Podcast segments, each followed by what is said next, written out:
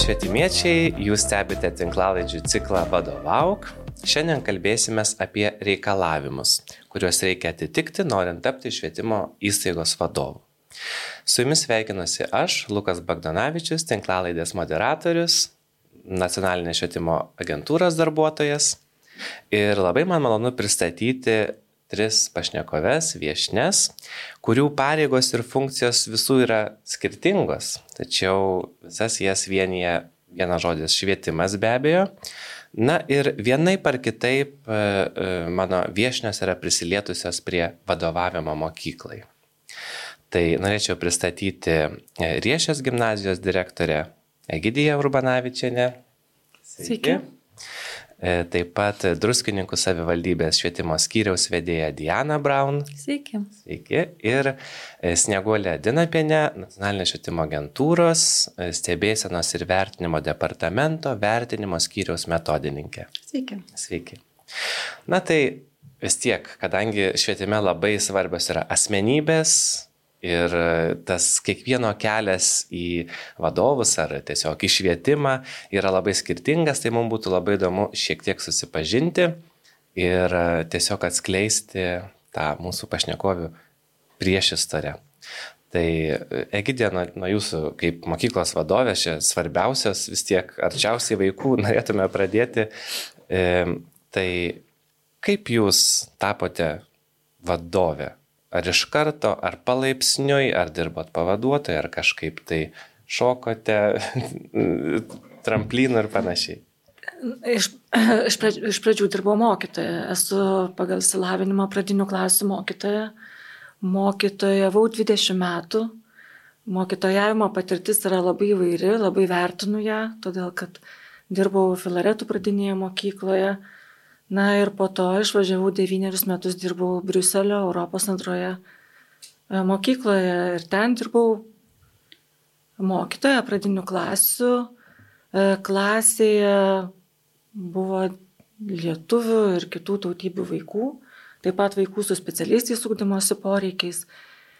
Na ir po devyniarių metų, nes tiek trunka kontraktas, grįžus į Lietuvą labai susimaščiau, ką toliau norėčiau veikti. Ar toliau mokytojauti, ar tiesiog um, kelt savo didesnius reikalavimus, iššūkius, arba į dar studijuoti. Ir tada pamačiau, kad um, tada ir susipažinau iš tikrųjų, kokių kompetencijų ir kokia procedūra, yra, kokią procedūrą reikia praeiti, norint tapti įstaigos vadovu. Na ir, ir pabandžiau, išlipus iš lėktuvo, nuėjau į vertintis kompetencijų. E, kompetencijas vertinausi 2015 metais, tai buvo 8 valandos kontaktiniu būdu ir na, man labai patiko tas vertinimas, nes iš tikrųjų tai priemiau kaip, kaip tam tikrą mokymąsi, susižinojimą, ko man trūksta, kad tapčiau įstaigos vadovu. Ir buvau puikiai vertinta. Na ir dirbau Vilniaus šilo mokykloje. Tai Vilniaus šilo mokykla yra vaikams turintiems specialių ūkdymosi poreikių mokykla. Ir po septyniarių metų, kai atėjo rotacija, kadencija, e, nusprendžiau dar kartą įsivertinti. Tai vertinausi visai nesenai, dar metų nepraėjo. Ir jau tai buvo nuotoliniu būdu vertinimas vyko. Jis tai buvo trumpesnis Manau, kad taip pat pasisekė, aš negalvojau, kad taip gerai bus suvertinta. Ir nuo birželio mėnesio dirbu riešęs gimnazijos direktorė. Aha. Tai mano kelias toks, kad nuo mokytojas į vadovus.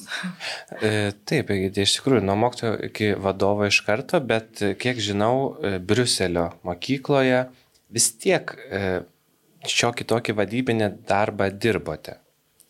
Taip, tai Bet tai yra kita šalis, kita, kita sistema ir Europos mokykloje teko koordinuoti e, lietuvių kalbos skyriaus e, mokytojų darbą, taip pat e, na, visų antrokų ar tai trečiokų mokytojų, tai tarkim, tai būdavo 12-13 kolegų ir buvau tų kolegų koordinatorius.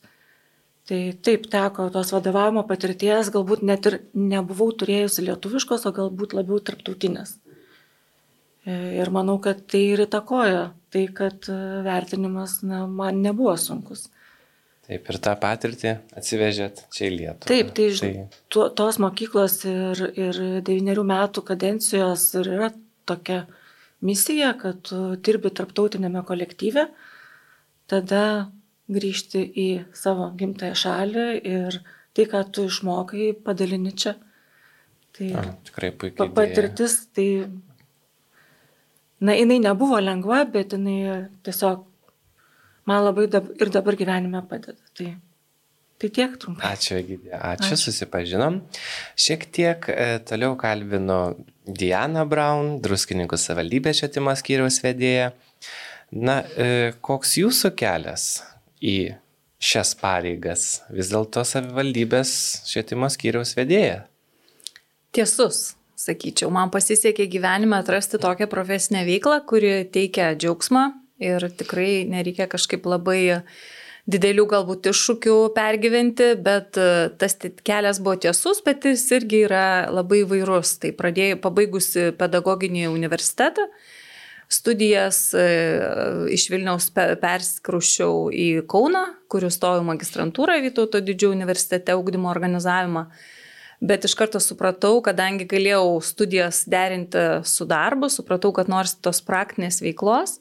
Tai kai dabar galvoju, tai atrodo, gal ta jaunystė yra smagi tuo, kad esi labai drasus žmogus. Tai kaip prisimenu, kaip, kaip dabar prisimenu tą vasarą, kai nukeliavau tiesiai į Kauno švietimo skyrių.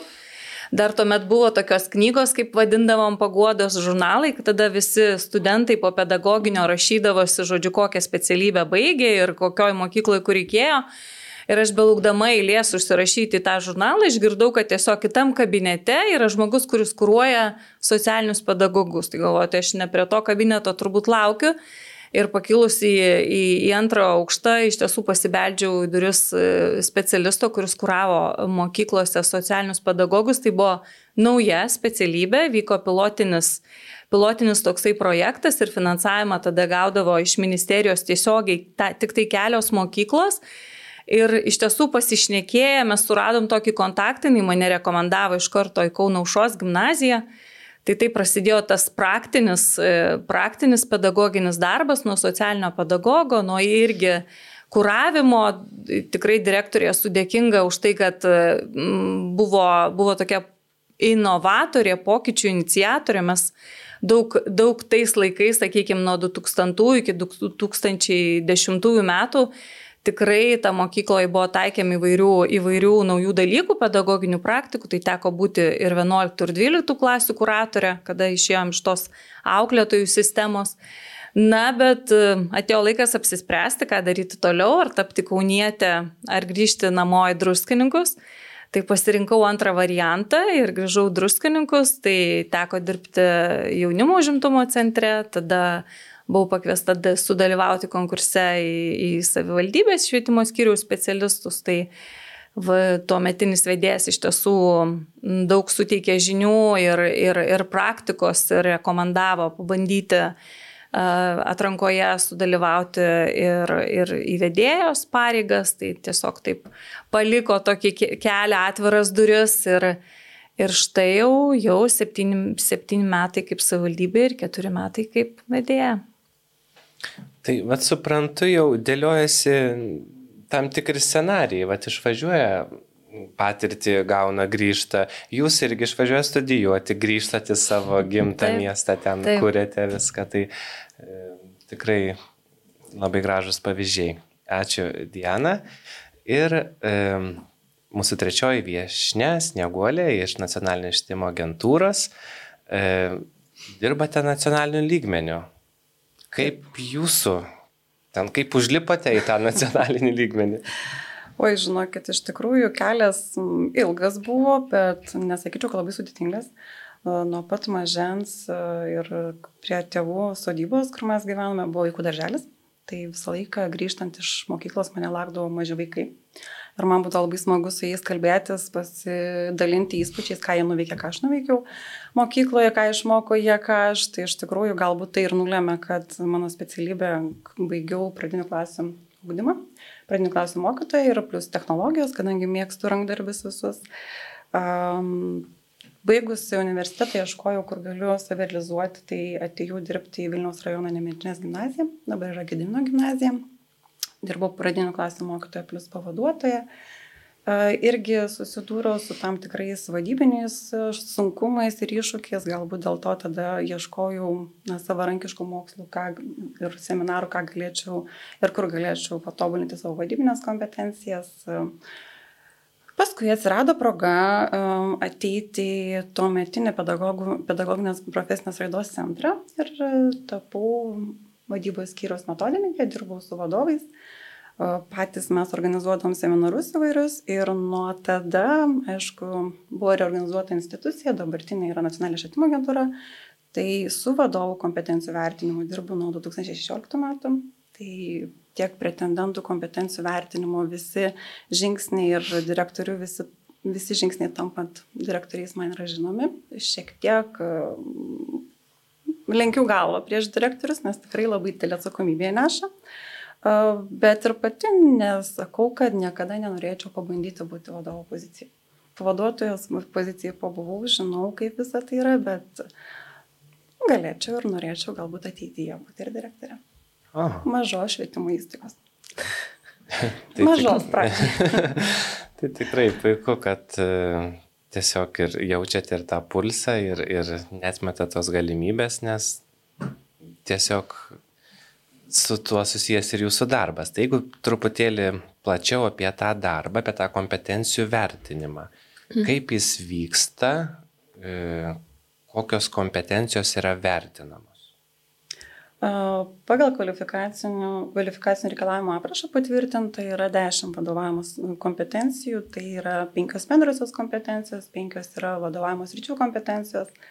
Agentūra šiuo metu vertina tik 5 kompetencijas, nes kaip minėjo Gitė, anksčiau buvo visas vertinamas 10 kompetencijų, šiuo metu tik tais 5 vertinamos, tai asmenis veiksmingumas, strateginio mąstymo ir pokyčių valdymo kompetencija, mokėjimo mokytis, vadovavimo žmonėms ir vadovavimo augdymui ir mokymusi kompetencija. Kaip vyksta vertinimas? Šiuo metu vertinimas yra tiesiogiai vykstantis, nes pandeminiu laikotarpiu, kol negalėjome turėti kontaktų, buvo nuotolinis vertinimas. Šiuo metu vertinimas, kaip ir minėjau, tiesioginis, reiktų atvykti į Vilnių. Vertinimas trunka iki 4 valandų. Vertinimo metu yra pretendentų vertinimų trys dalys, sakysime taip, tai yra grupinė užduotis, kurios metu yra vertinama tiek pretendentų gebėjimas bendrauti tarpusavį, tiek komandinio darbo tam tikri įgūdžiai. Yra hipotetinės užduotis, kurios yra konstruotos, galbūt taip sakysime, remiantis švietimo įstaigų vadovų praktiką. Buvo konsultuotasi su vadovais, su vadovų asociacija, kokios užduotis galėtų būti vertinamos ten jau daugiau, sakysime, žiūrima į individualias vadovo kompetencijas, kaip vadovas geba atsiskleisti. Ir paskutinio mūsų vertinimo dalis yra giluminis interviu, gal taip sakykime, arba pusiau struktūruotas interviu. Ir čia jau irgi kalbama yra ir užduodami klausimai iš tų penkių vertinimo kompetencijų, tai tiek praktinių pavyzdžių prašo pateikti, tiek žinių, tiek supratimo, kaip sekasi atsiskleisti pretendentui būtent čia ir dabar šitoje situacijoje. Taip, o tos kitos penkios kompetencijos, kaip suprantu, vertinamos yra savivaldybės lygmenių. Trankos metu į konkrečios įstaigos vadovo pareigas. Uh mhm. -huh. Ir e, e, tas vertinimas vyksta panašiai grupėmis ar... E... Ne, tai irgi yra pagrindinis, tai yra konkursas. Tai yra konkursas užimti direktoriaus pareigas. Pagrindinė dalis yra pokalbis su pretendentu, kuomet irgi yra penkios tos, kaip Sneguolė minėjo, vertinamos vadovavimo, vadovavimo kompetencijos. Ir komisijos nariai turi progą užduoti klausimus, tuos pačius paprastai, jeigu yra keli pretendentai. Ir, ir vertina atsakymus, taip pat vertinama yra rašytinė informacija pateikta, tai yra pretendento profesinio darbo patirtis, išsilavinimas, CV, pateikti dokumentai bei vadovavimo uh, įstaigai, kurią pretenduoja vadovavimo gairės.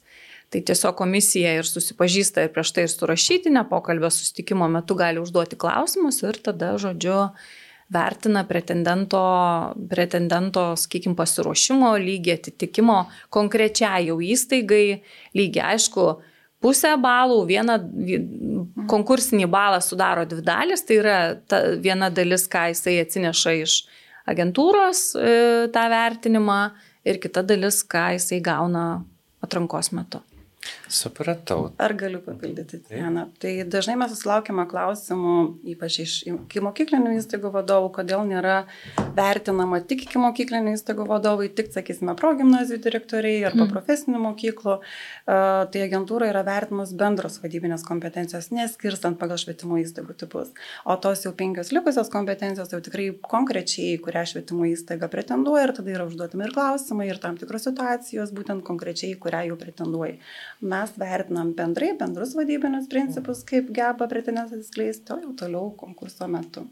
Žodžiu, tu turi žinoti, ką tu pretenduoji, kur tu eini, kokia mokykla. E, taip, e, Egidija, na, jūs tą praktikę, kuri tą kelią praėjot, e, ar jaudinotės, bijojot, jeigu tokį žodį galima vartoti, to kompetencijų vertinimo? Tai, žinot, tas laikotarpis, kai tu apsisprendi dalyvauti kompetencijų vertinime ir kai apsisprendi dalyvauti kažkokios tai įstaigos e, vadovo atrankos konkurse, iš tikrųjų toks yra nerimastingas laikotarpis, nes truputį yra išmuštas e, pagrindas iš pokojų, nes mano atveju tai aš dirbau vadovu. Nebuvo taip, kad aš buvau išėjusi iš darbo, tiesiog dirbau vadovu ir jau pretendavau į kitos e, įstaigos vadovo e, pareigas. Tuo metu iš tikrųjų tada na, labiausiai tai manau, kad yra tai, kad tu pats savim nusivilsi, nes e, vadovai, matyt, mes vis tiek esam perfekcionistai ir tai, kad nu, tu turi kažką savo įrodyti ir stengiasi ir iš tikrųjų nerimauji, o kas bus, jeigu tu nu, susimausi. Tai, tai va, tuo metu tai tikrai niekam ir nepasakojau, kad kažkur dalyvauju, tiesiog savo patiliukais, bet ir darbo krūvis tada padidėja, nes turi tikslingai pasiruošti, galvoti apie tai, va, kaip ir minėjot, kad ir vadovavimo gairias pasirašyti ir taip pat kompetencijų vertinimui tai reikia pasiruošti. E, tikrai labai siūlyčiau pasiruošti ir ypatingai pagalvoti apie tas penkias kompetencijas, kurias išvardino Sneguolė. Ir yra įvairiausių mokymų, siūlo paslaugas įvairias, bet tikrai reikia pagalvoti, pasiskaityti, pasidomėti. Aš, ruožda, aš ruošiausi, aš lankiau mokymus ir tos mokymus organizavo Vilniaus miesto savivaldybė, tas tik tai buvo Vilniaus pažangos centras, dabar Edu Vilnius. Jis tiesiog labai rūpinasi vadovų kompetencijomis. Taip pat dalyvavau mentorystės programoje ir visą laiką galvojau apie tas penkias kompetencijas ir tiesiog reikia reflektuoti, ruoštis ir tada pavyksta. E, Egidė minėjo tą vat, baimę susimauti, tai vat, aš jūsų sniegolė noriu pa paklausti, na gerai, susimoviau, nepavyko, ne? Kas kiek laiko aš galiu vėl įsivertinti tas kompetencijas? Antrą kartą galima įsivertinti po pusės metų praėjus nuo vertinimo datos. Trečią kartą, jeigu nori vadovas vertintis, dabar po visų kvalifikacinių pakeitimų gali tik po metų ir tai turi rašyti motivuotą prašymą, kad nori dalyvauti vertinime ir tada argumentuotai pateikti tam tikrus dalykus, kaip jiems sekėsi gyventi rekomendacijas. Ką jisai darė, galbūt su mm, patyrusiu kolega, kalbėjosi, konsultavosi, aiškinosi tam tikrus dalykus, galbūt lankė seminarus, galbūt užsiemė savišvietą, bet jisai turėtų tai iš tikrųjų tikrųjų atliepiant rekomendacijas mums išdėstyti.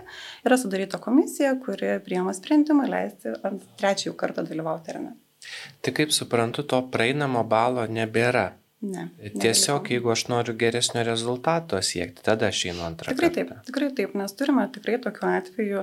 Žmogus įsivertino gan pakankamai aukštai surinko na, gan gerą balą, sakysime, taip, malas e, sumą, bet tačiau jis tobulėjo tą pusę metų, tikrai atvyko po antrą kartą po pusės metų vertinis ir tikrai rezultatą mes matome, jeigu žmogus, e, kaip sakyti, to siekia ir link to eina, tai rezultatas tikrai yra geresnis. Bet jeigu, na, aš tik tais atvažiavau tam, kad atvažiuoti galbūt turėsiu aukštesnį balą ir nieko nedarau, kaip Egidija sakė, reikia tikrai ruoštis kompetencijų vertinimui, tai tikrai tie balai nesikeičia. Tiesiog apgalvoti, ką galiu aš pagrysti tose kompetencijose, ką aš turiu. E, gerai, keliaukime prie esmės. E, Egidija, tai kuogi skiriasi realus vadovo darbas nuo kompetencijų vertinimo? Ar iš viso jis reikalingas vat, prieš dirbant jau realiai?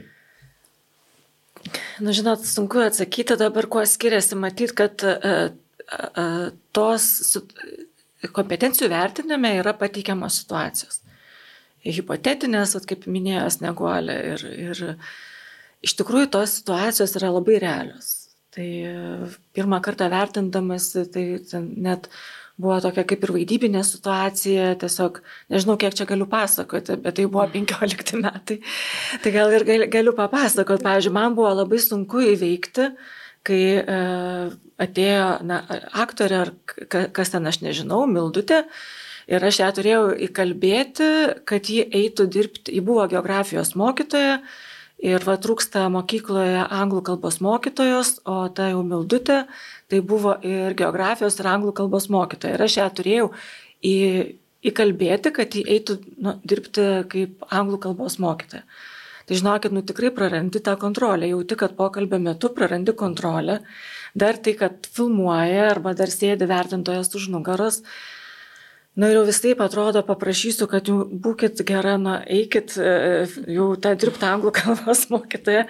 Gyvenime e, kitaip truputėlį bendrauji ir, ir tarkim, ta asmeninė motivacija, kad tu gali nu, pažadėti, kad va ateis mokinių atostogos, aš tau ten leisiu dirbti per nuotolį, mes ten susitarsim, tu ten užsimsi savišvietą. Vertinime, nu, tu turi remtis kažkokiais kon konkrečiais uh, dokumentais, kaip tu, kaip tu įkalbėsi. Tai, tai truputėlį skiriasi, bet iš esmės e, tai visos situacijos ten man buvo ir apie mokyklų konkurenciją ir tokių pateiktų, tai, tai, tai yra tikrai iš mokyklos gyvenimo. Ir reikia tik dar, dar kuo skiriasi, kad kompetencijų vertinime tu esi vienas. O įstaigoje tu esi su komanda ir kokia be būtų kritinė, krizinė situacija, bet kokia, ar darbinė, taigi sprendžiam komandai. Vienas tu nesprendi. Va, čia iš tikrųjų yra taip sunku papasakoti ir atrodo kiekvieną kartą ir pradėtum nuo to, kad sukviesiu darbo grupę, o vertintojai turi duoti aišku atsakymą, ką tu tuo metu darytum. E, o tarkime šitos dešimt kompetencijų, na galbūt ir kažkokios jūsų labai specifinės asmeninės kompetencijos, kurias jūs tiesiog turite ir, ir taikote savo darbe, ar labai jos skiriasi nuo e, direktoriaus pavaduotojo ugdymui? Siek turite savo komandą, šiek tiek kuravote mokytojus Briuselio mokyklai, vat, įdomu tiesiog sužinoti, ar labai skiriasi tas vat, laiptelis, nes ir pavaduotojai, ir, ir, ir direktoriai yra, nu, kaip ir mokyklos vadovai. Taip, taip, tai yra ta pati komanda. Aš tengiuosi, kad, na, ta, ta vis tiek, jau kalbam apie mokyklą, hierarchija yra kaip ten bebūtų.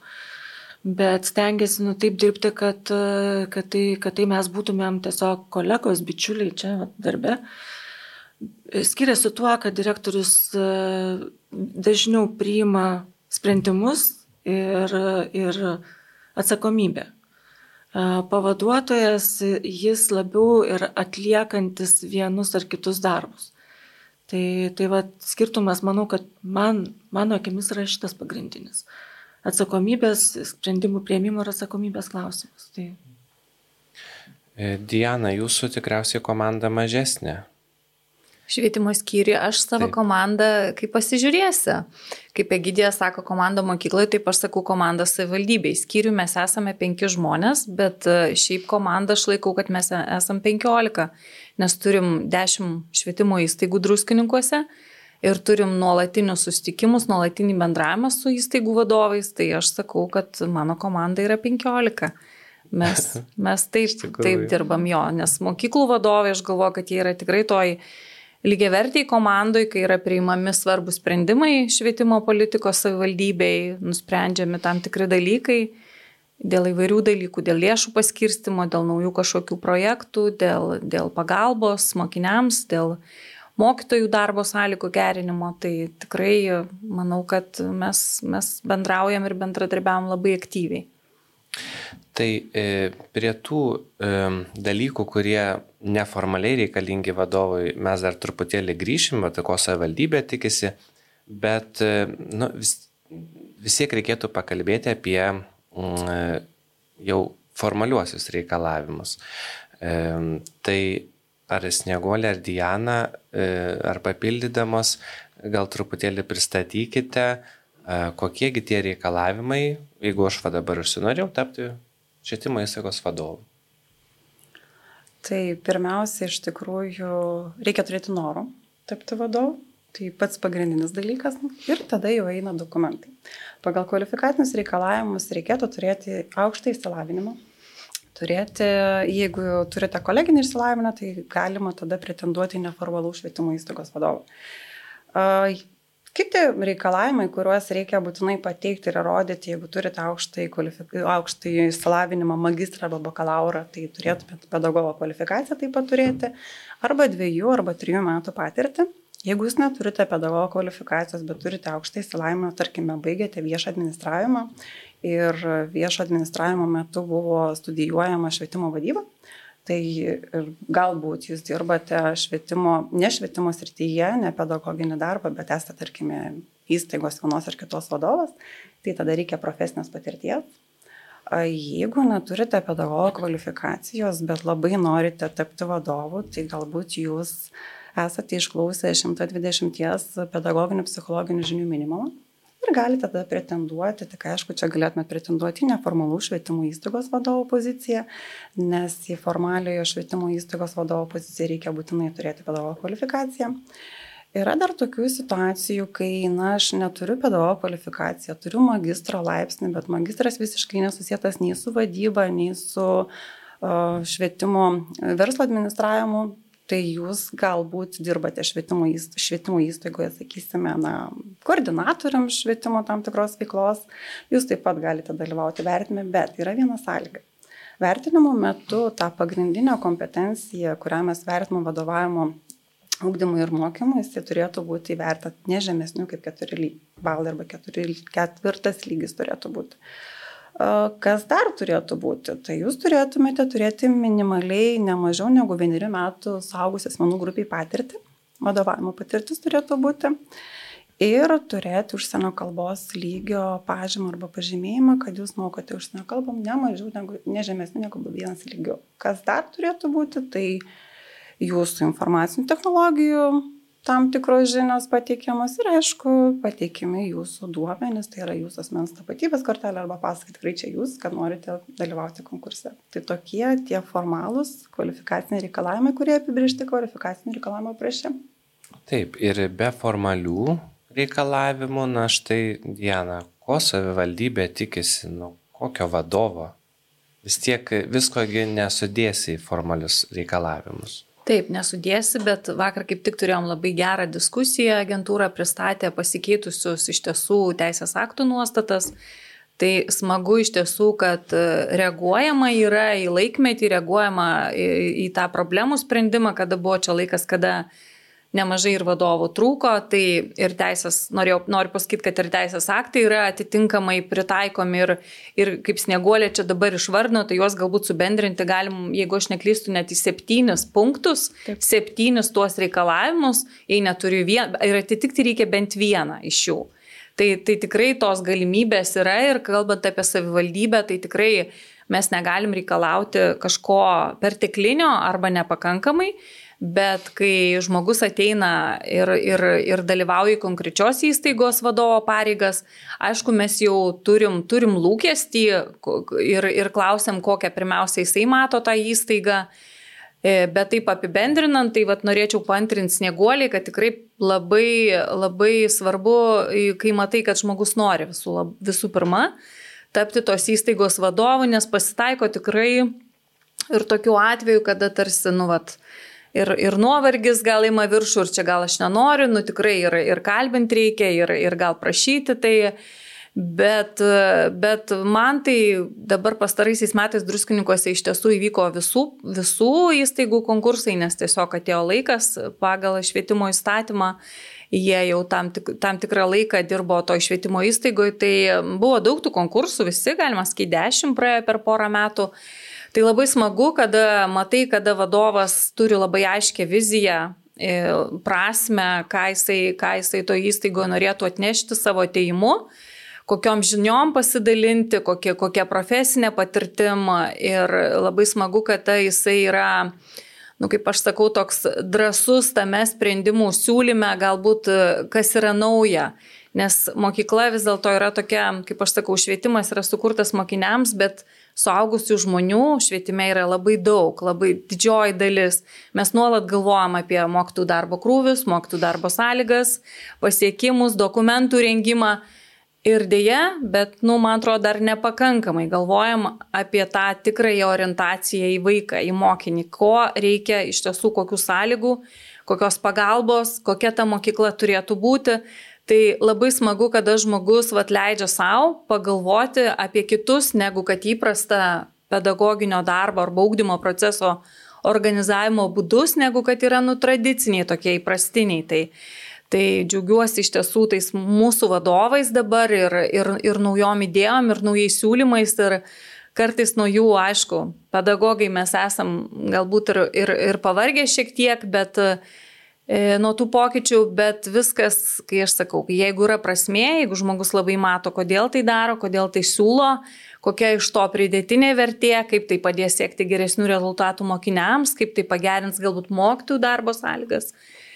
Tai, tai vat visada yra smagu, kada matai, kada žmogus yra pasirengęs, kaip jūs sakote, ateina į, į kompetencijų patikrinimą pasirengęs ir ateina į atranką pasirengęs. Kada matai, kad gairės labai konkrečios, matai, kad jisai yra nuvykęs ir į įstaigą, apsižiūrėjęs, pabendravęs su bendruomenė, apsiklausęs netgi pasišneka su vaikais, kaip jūs jaučiatės, kaip su mokytojais, su bendruomenė, tai va tas, tas pasirengimas, nežinau, tas kūrybiškumas, drąsa, noras, tai yra svarbiausi dalykai. Aš labai džiaugiuosi, kad tikrai tie raktiniai žodžiai kartojasi ir, ir pirmos tinklalaidės, ir antros tinklalaidės metu e, buvo irgi išsakyta vat, noras, vizija, prasmė ir drąsa Tai aišku, čia formulės gal ir nesukursim, bet labai smagu, kad tokie vat elementai kartojasi. E, Egidija, norėčiau jūsų paklausti, štai vat e, Snieguolė ir Diana išvardino tuos reikalavimus ir, ir tokius neformalius reikalavimus.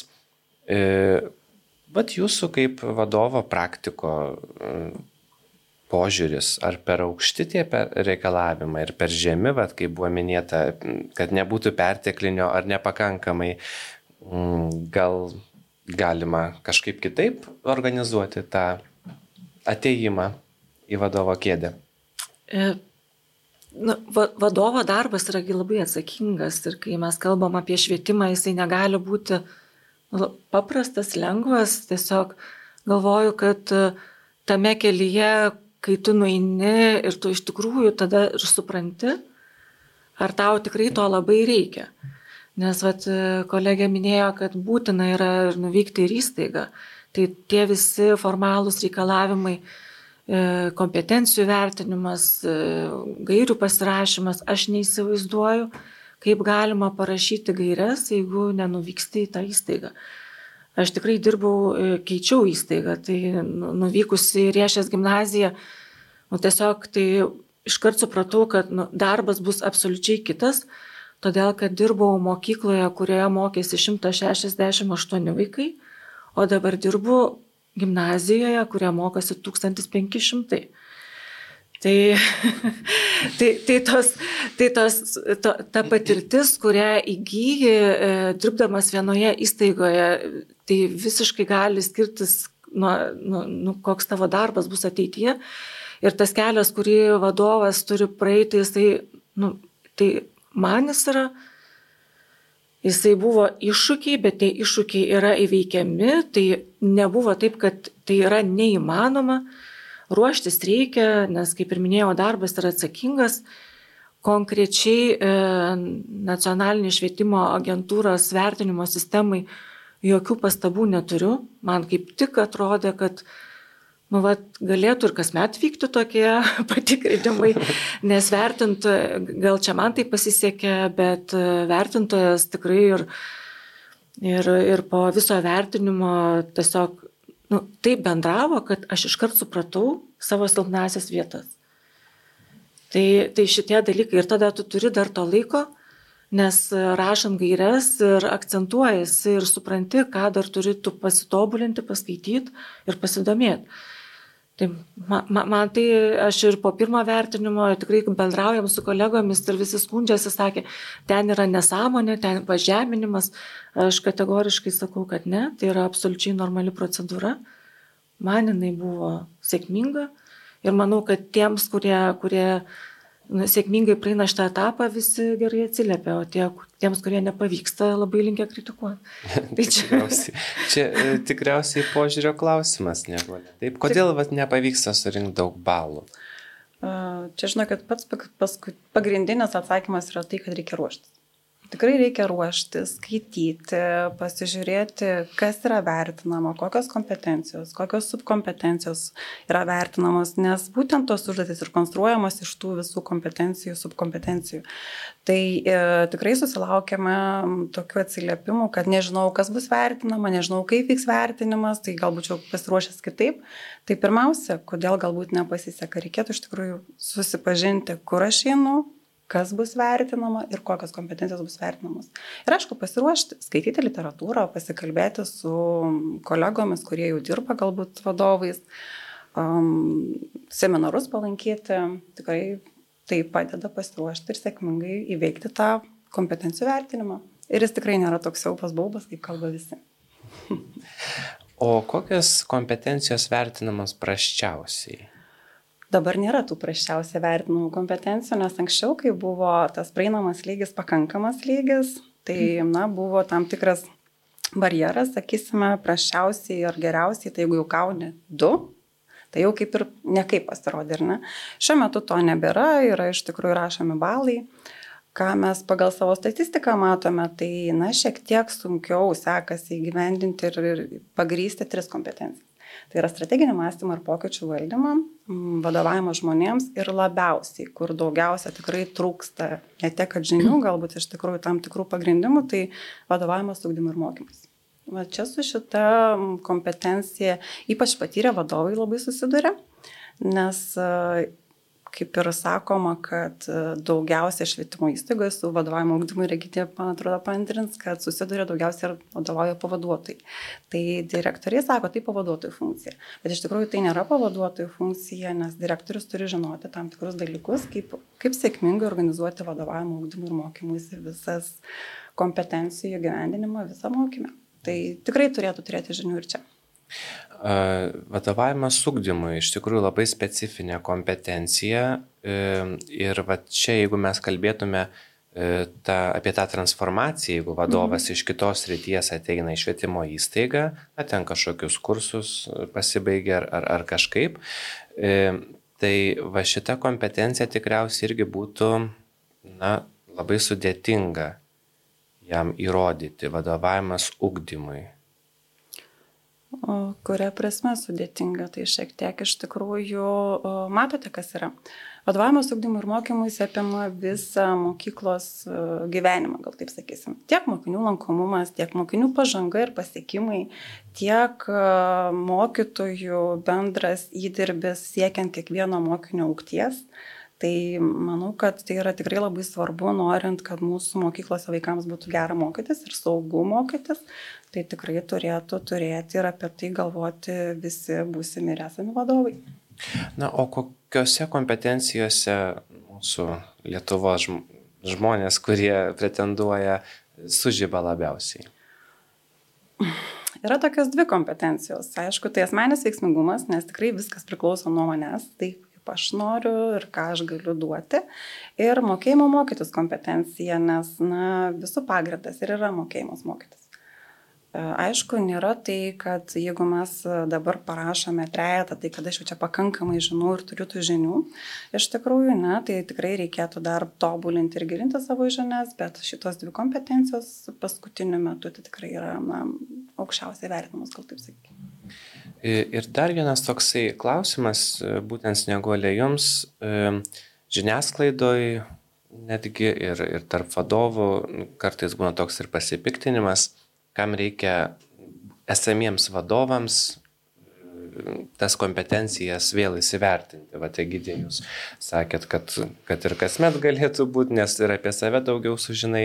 E, koks čia bet jūsų snieguolė būtų požiūris, tarkime, dirba vadovas ilgus metus, įsivertina, jam kažkas nepavyksta, tada aišku atsiranda pyktis, nepasitenkinimas ir panašiai. Šiuo metu pagal galiojančius teisės aktus, jeigu pretendentas yra laimėjęs viešai konkursą ir turėjęs kompetencijų vertinimą, jo vertinimas galioja septynerius metus kol dirba vadovu, tarkime, 15 metais aš įsivertinau Vatikidijos atveju, tai jinai galėjo dar dirbti 7 metus ir netgi kompetencijų vertimas galiojo dar 7 metus jau pabaigus kadenciją. Tai šiuo metu tas laikotarpis gan ilgas, tai dabartiniai dirbantis vadovai ir ilgai dirbantis vadovai, bet turintis tą vertinimą, tai tikrai gali dar sėkmingai dirbti. Aišku, atsirado kadencijos. Tai yra dviejų, dvi kadencijas gali toje pačioje švietimo įstaigoje dirbti vadovas, kadencija penki metai.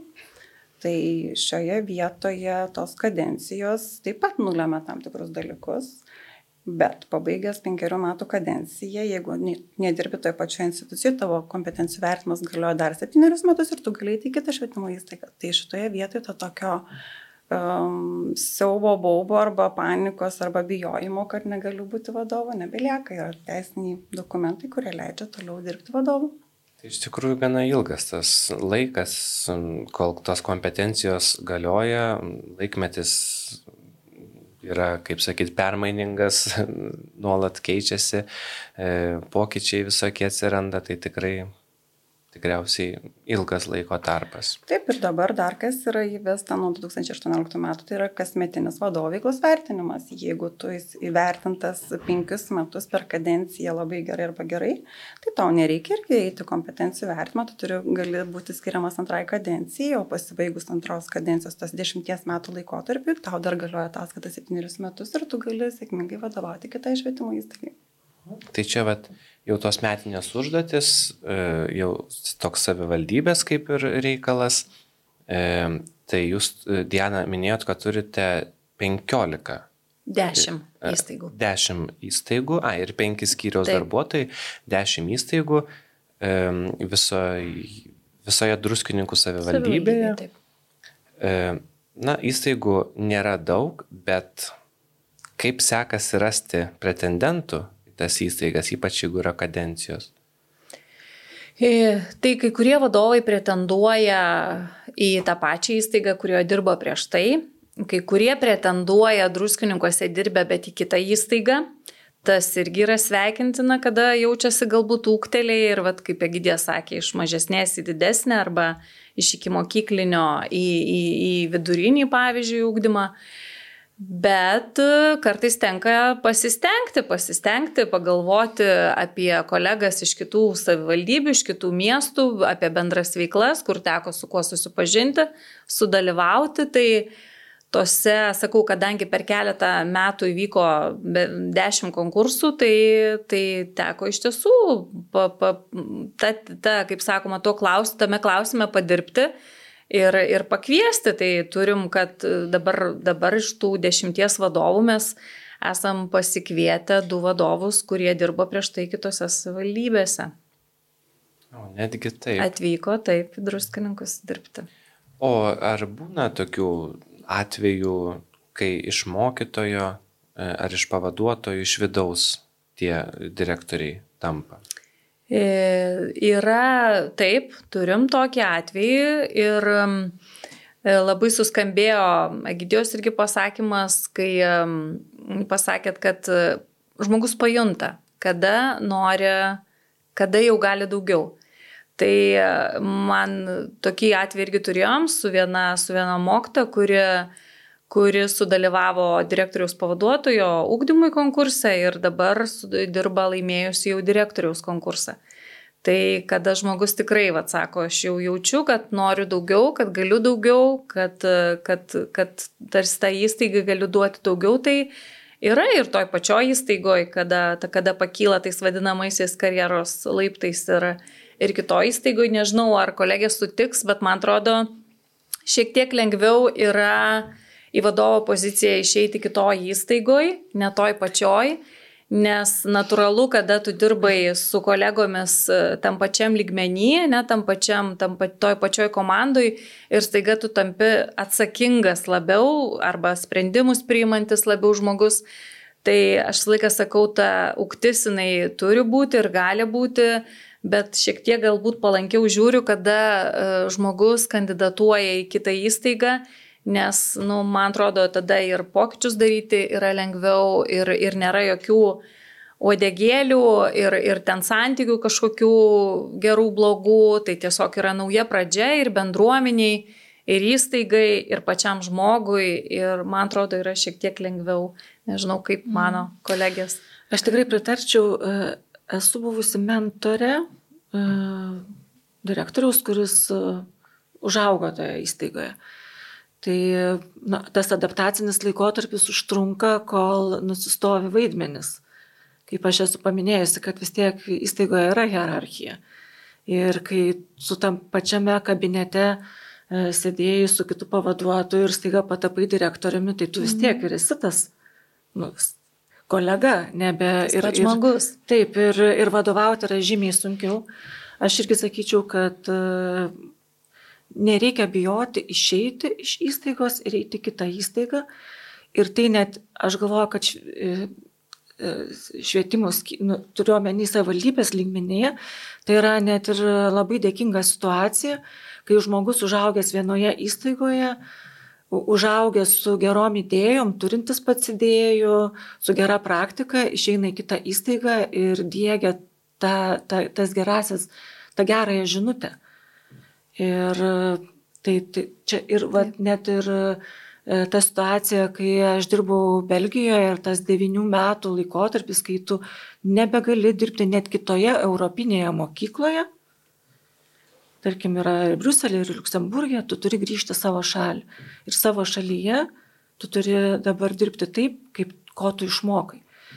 Tai čia yra tikrai labai geras dalykas ir tikrai kolegoms, kurie galvoja, eiti vadovo keliu, tai labai patarčiau, kad taip tai yra. Ir kitą įstaigą nebijoti. Nebijoti. Pretenduoti. Net ir lengviau, man atrodo. Taip, man aš sutikčiau, tikrai, manau, pritarčiau.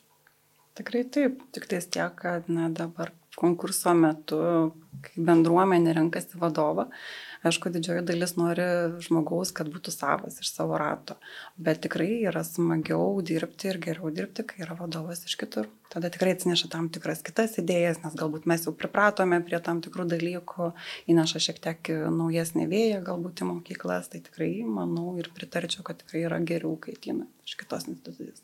Nors uh, direktoriai arba vadovai, kad auginasi pavaduotojus arba lyderius mokytojus, tai tikrai labai smagu. Tokių tikrai pavyzdžių labai daug yra ir labai džiugu, kad tai yra daroma, užsiauginame savo ne tiek at pamainą, bet kolegas, kurie galėtų būti kitos švietimo įstaigos vadovais. Tai jeigu galėčiau papildyti, tai tarkim mano atveju, kalbant apie bendruomenę, tai bendruomenė mane, mane pasikvietė pokalbiui kai sužinojo, kad pretenduoja suriešęs gimnazijos vadovo pareigas. Ir aš galvoju, kad tikrai nereikia vengti šitų pokalbių. Tai yra labai gera, na, lab, lab, labai geras šansas pristatyti savo idėjas bendruomeniai. Tai aš kalbu ne vien tik tai apie pedagoginę bendruomenę. Nes riešė yra priemestis, toks kaip, kaip mes kaip kaimas, bet yra labai stipri ir riešės bendruomenė, ne gimnazijos bendruomenė. Tai išdiskutavom ir išsakė lūkesčius, kaip jie įsivaizduotų savo na, vaikų e, lankomos mokyklos vadovo viziją. Ir patys pasakoja man labai daug, todėl aš e, tikrai atidžiai klausiausi ir vadovavimo gairės įsitraukiau jų matymą, nes tėvai nori, kad jų vaikai būtų išsilavinę. Ir tai reikia išgirsti šitą žinutę.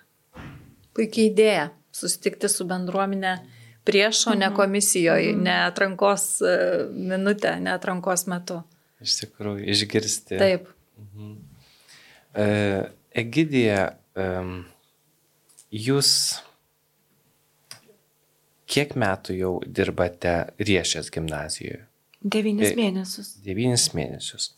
Uh, tai, na, man labai būtų įdomu vis tiek tai praktiškai sužinoti, kokia jūsų dienos rutina, kaip viską suspėti, nes pats Negolė minėjo, kad asmeninis veiksmingumas geriausiai vertinama kompetencija. Tai mes tik visi tokie labai veiksmingi esame, bet tų receptų vis tiek mes labai norime išgirsti. Tai e, jūs norite, kad aš papasakočiau savo darbo dieną. E, reikia planuoti. E, savo darbą reikia planuoti, ypatingai jeigu dirbi labai didelėje įstaigoje. Ir nusiteikti, kad reiks perplanuoti. Ir labai atsižvelgti, kokia yra situacija. Tiesiog noriu pasakyti, kad visą dieną tenka labai daug bendrauti.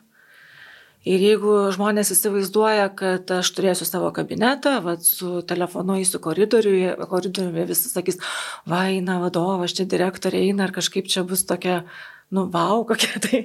Tai tikrai e, vadovas neturi užsidaryti savo kabinete, mano kabineto duris yra atidarytos. Nebent jeigu vyksta posėdis arba rimtas susirinkimas, visada turi vadovo duris būti atlapos, vadovas turi būti nusiteikęs bendrauti ir labai ir, ir paprastom vaikų šiandieniniam temom ir tikrai labai komplikuotomis temomis, net ir tada, kai labai skauda reikia kalbėtis. Tai va ta diena, tai maždaug iki 3 valandų tai ir vyksta tas e, bendravimas su vaikais, su mokytojais, e, to bendro konteksto supratimas, gal dėl to, kad aš esu vis tiek dar naujas vadovas, man reikia labai daug sužinoti, labai daug mokytis. Ir maždaug nuo tai nuo trečios valandos, kai baigėsi pamokos, aš prisėdu prie elektroninių paštų, prie dokumentų ir taip, na, kokias dar 2-3 valandas, nu, tais vadinamais popieriais rūpinamės. Niekada, e, dar niekada nei diena nepraėjo taip, kaip aš kad būčiau suplanavusi. Tai aš labai stengiuosi atvažiuoti anksčiau, e, pastebėti, kaip prasideda pamokos, tarkim, nuo pusės aštuonių aš stoviu prie įėjimo durų ir labas rytas, ir čia jeigu kas pasiklydęs, ar kažkoks sunerimęs tevelis, tai tuo metu nugesini tas emocijas. Po to pamokų metu tai irgi vyksta ir pamokų stebėjimas, ir darbas grupėse su pavaduotojais, su skyrių vedėjais. Planuojam, organizuojamės, na ir kaip minėjau, tai toks labai dinamiškas tas darbas yra iki trijų valandų.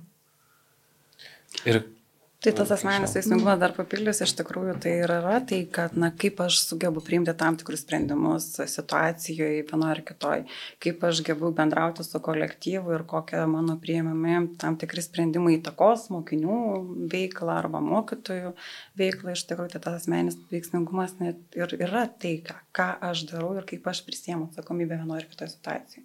Tai tai yra labai svarbu ir ypač tose situacijose, kurias mes sakome, kad yra krepšelių sprendimas, tai toje situacijoje labai išiškėja būtent kaip aš prisijimsiu tam tikrus atsakomybės principus, kaip aš spręsiu vieną arba kitą situaciją ir nuo to galbūt priklausys ir tolesnė mano veikla kaip vadovo.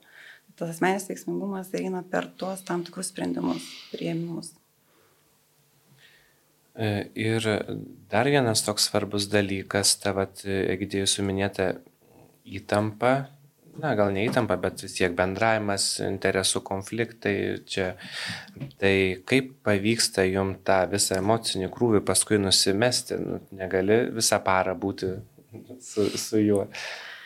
Taip, tai nu, tenka visą dieną bendrauti labai skirtingomis temomis. Ir tikrai, vat, ir neuromokslininkai sako, kad tas multi, multi, atrodo, kad tu multitaskini. Bet iš tikrųjų multitaskingas yra negėris, o blogybė, nes tai reiškia, kad vienu metu tu kelių darbų kokybiškai netlieki. Tai e, stengiuosi, kad to multitaskingo būtų kuo mažiau, nes e, tada mažiau pavarksta smegenis. Na ir e, po darbo tiesiog tą laiką skirti ir, ir su bendruomenė susitarti, kad ir aiškiai išdėstyti, kada yra prieimimo valandos, koks yra vadovo darbo grafikas. Ir tada jau po darbo valandų tiesiog na, yra toks susitarimas, kad nu, nebent gaisras. O šiaip tiesiog nebendrauti ir surasti laiko atostogoms, kokybiškoms atostogoms. Tai, tai, tai yra labai svarbu, nes aš ir taip jau sutapo, kad e, iš vienos įstaigos iškart perėjau į kitą be atostogų ir suprantu, kad reikia poliso, nes darbas tampa nebeefektyvus. Tai, tai vat, norėčiau ir patart, kad mokėkim dirbti, bet supraskim, kad reikia ir palsėti. Labai geras iš tikrųjų patarimas, nes švietime tikriausiai daug tokių yra, na, kurie atrodo visą širdį atiduos ir, ir, ir su tom problemom apie tos vaikus galvojam vis tiek ir, prieš užmiegant ir panašiai, bet tikriausiai didesnė nauda būtų tam pačiam vaikui, jeigu mes patys truputėlį atitrūktume kartais. Na tai um, norėčiau vis tiek pabaigdamas tokį klausimą bombą užduoti visom pašnekovėm, jau čia link to liktai ir einame e, mūsų diskusijoje, tai va ta švietimo sistema. Na, daug kas turi patarimų, kaip čia, kokia jinai turėtų atrodyti, kaip, kaip čia viskas, bet kažkaip vis nepavyksta įgyvendinti. Kokia jūsų manimų yra ideali švietimo sistema? Čia klausimas visoms viešnioms. Žinot, mes dabar riešęs gimnazijom bando, bandome susitarti, kas yra gera pamoka. Ir, ir niekaip mes e, nepasirašom dar kol kas e, geros pamokos recepto, todėl kad aiškėja, kad e, gera pamoka yra šiuo metu atitinkanti šiuos tikslus ir šiems vaikams.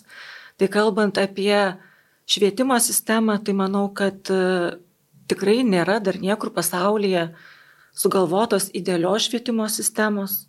Vienos yra geresnės, kitos yra netokios geros.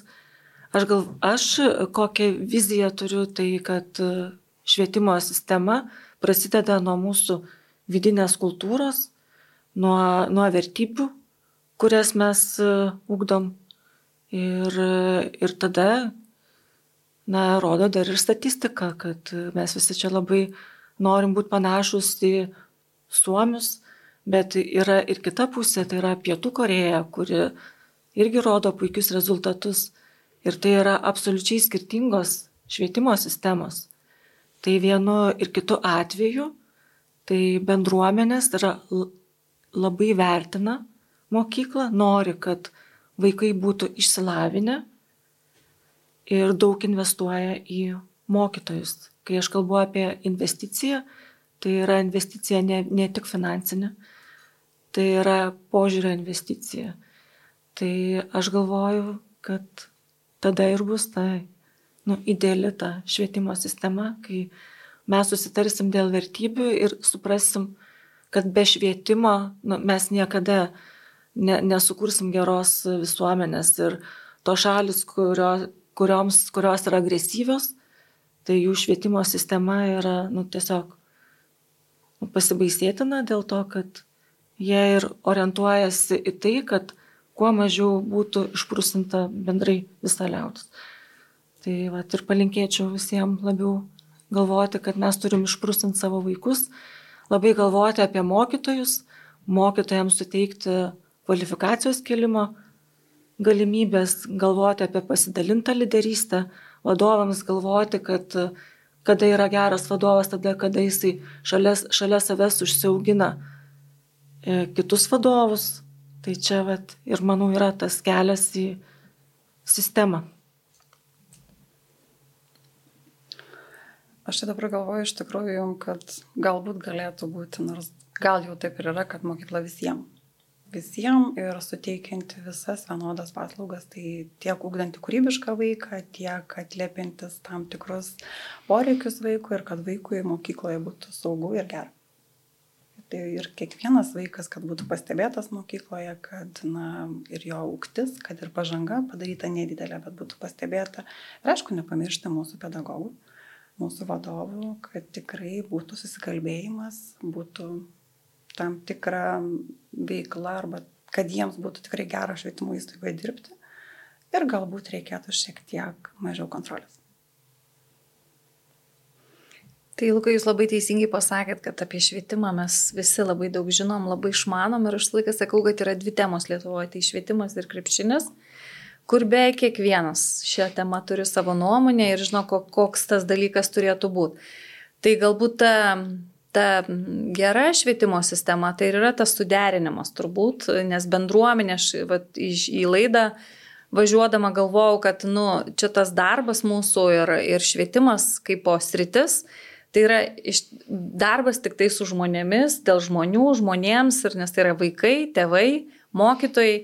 Tai va tas poreikių suderinimas ir yra, nes tėveliams bus vieni dalykai, kurie rūpi labiausiai. Tai yra patogumas, atvežimas, ne, ten užimtumas, žinoma kokybė, rezultatai. Mokiniams dar kiti galbūt dalykai, kurie bus gera mokykla, bus ta, kurioje linksma, smagu, daug yra papamokinės veiklos. Uh, ne kažko, kažkokių dalykų moktams vėlgi bus e, vieniems, sakykime, kur, kur griežtesnė tvarka ir kontrolė, kitiems gal kur daugiau mhm. laisvės.